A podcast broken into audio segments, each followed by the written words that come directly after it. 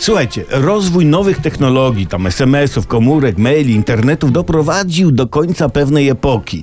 No jak każdy rozwój technologii do, do, doprowadza do końca epoki jakiejś. Wynaleziono samolot, to ludzie przestali marzyć, żeby konie miały skrzydła, prawda? Dało się latać bez konia z samymi skrzydłami. I słuchajcie, znika jedna z najstarszych usług pocztowych. Poczta Polska od 1 października rezygnuje z telegramu. Nie. Tak, łza się, łza się kręci w starszych oczach. Już nie będzie telegramów o treści, no na przykład zatrzymam się u was, stop mamusia. Nie? I tam telegram do mamusi z odpowiedzią mamusiu stop, nie zatrzymuj się, stop.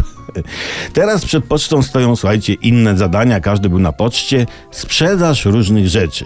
Na poczcie można kupić słodycze, gazety, kalendarze, bajki dla dzieci, dewocjonalia, inne gadżety. Działalność handlowa poczty nabiera rozpędu. Tylko konieczne są pewne zabiegi organizacyjne, bo czekać w kolejce do okienka, żeby kupić rajstopy, nie to takie nienowoczesne. Powinny powstać, y, po, powstać poczty samoobsługowe. Wchodzisz w regały, wybierasz towar, na przykład mięso, rybę dorsz, warzywo rzodkiewkę i w kasie płacisz, nie? Poczta powinna w ogóle zrezygnować z przesyłania listów i paczek i zająć się działalnością bardziej dochodową. Poczta Polska powinna się zmienić e, na przykład w pocztę lotniczą, tak zwany parawion i zająć się na przykład handlem Boeingami, a poczta polowa sprzedawałaby działki celebrytom.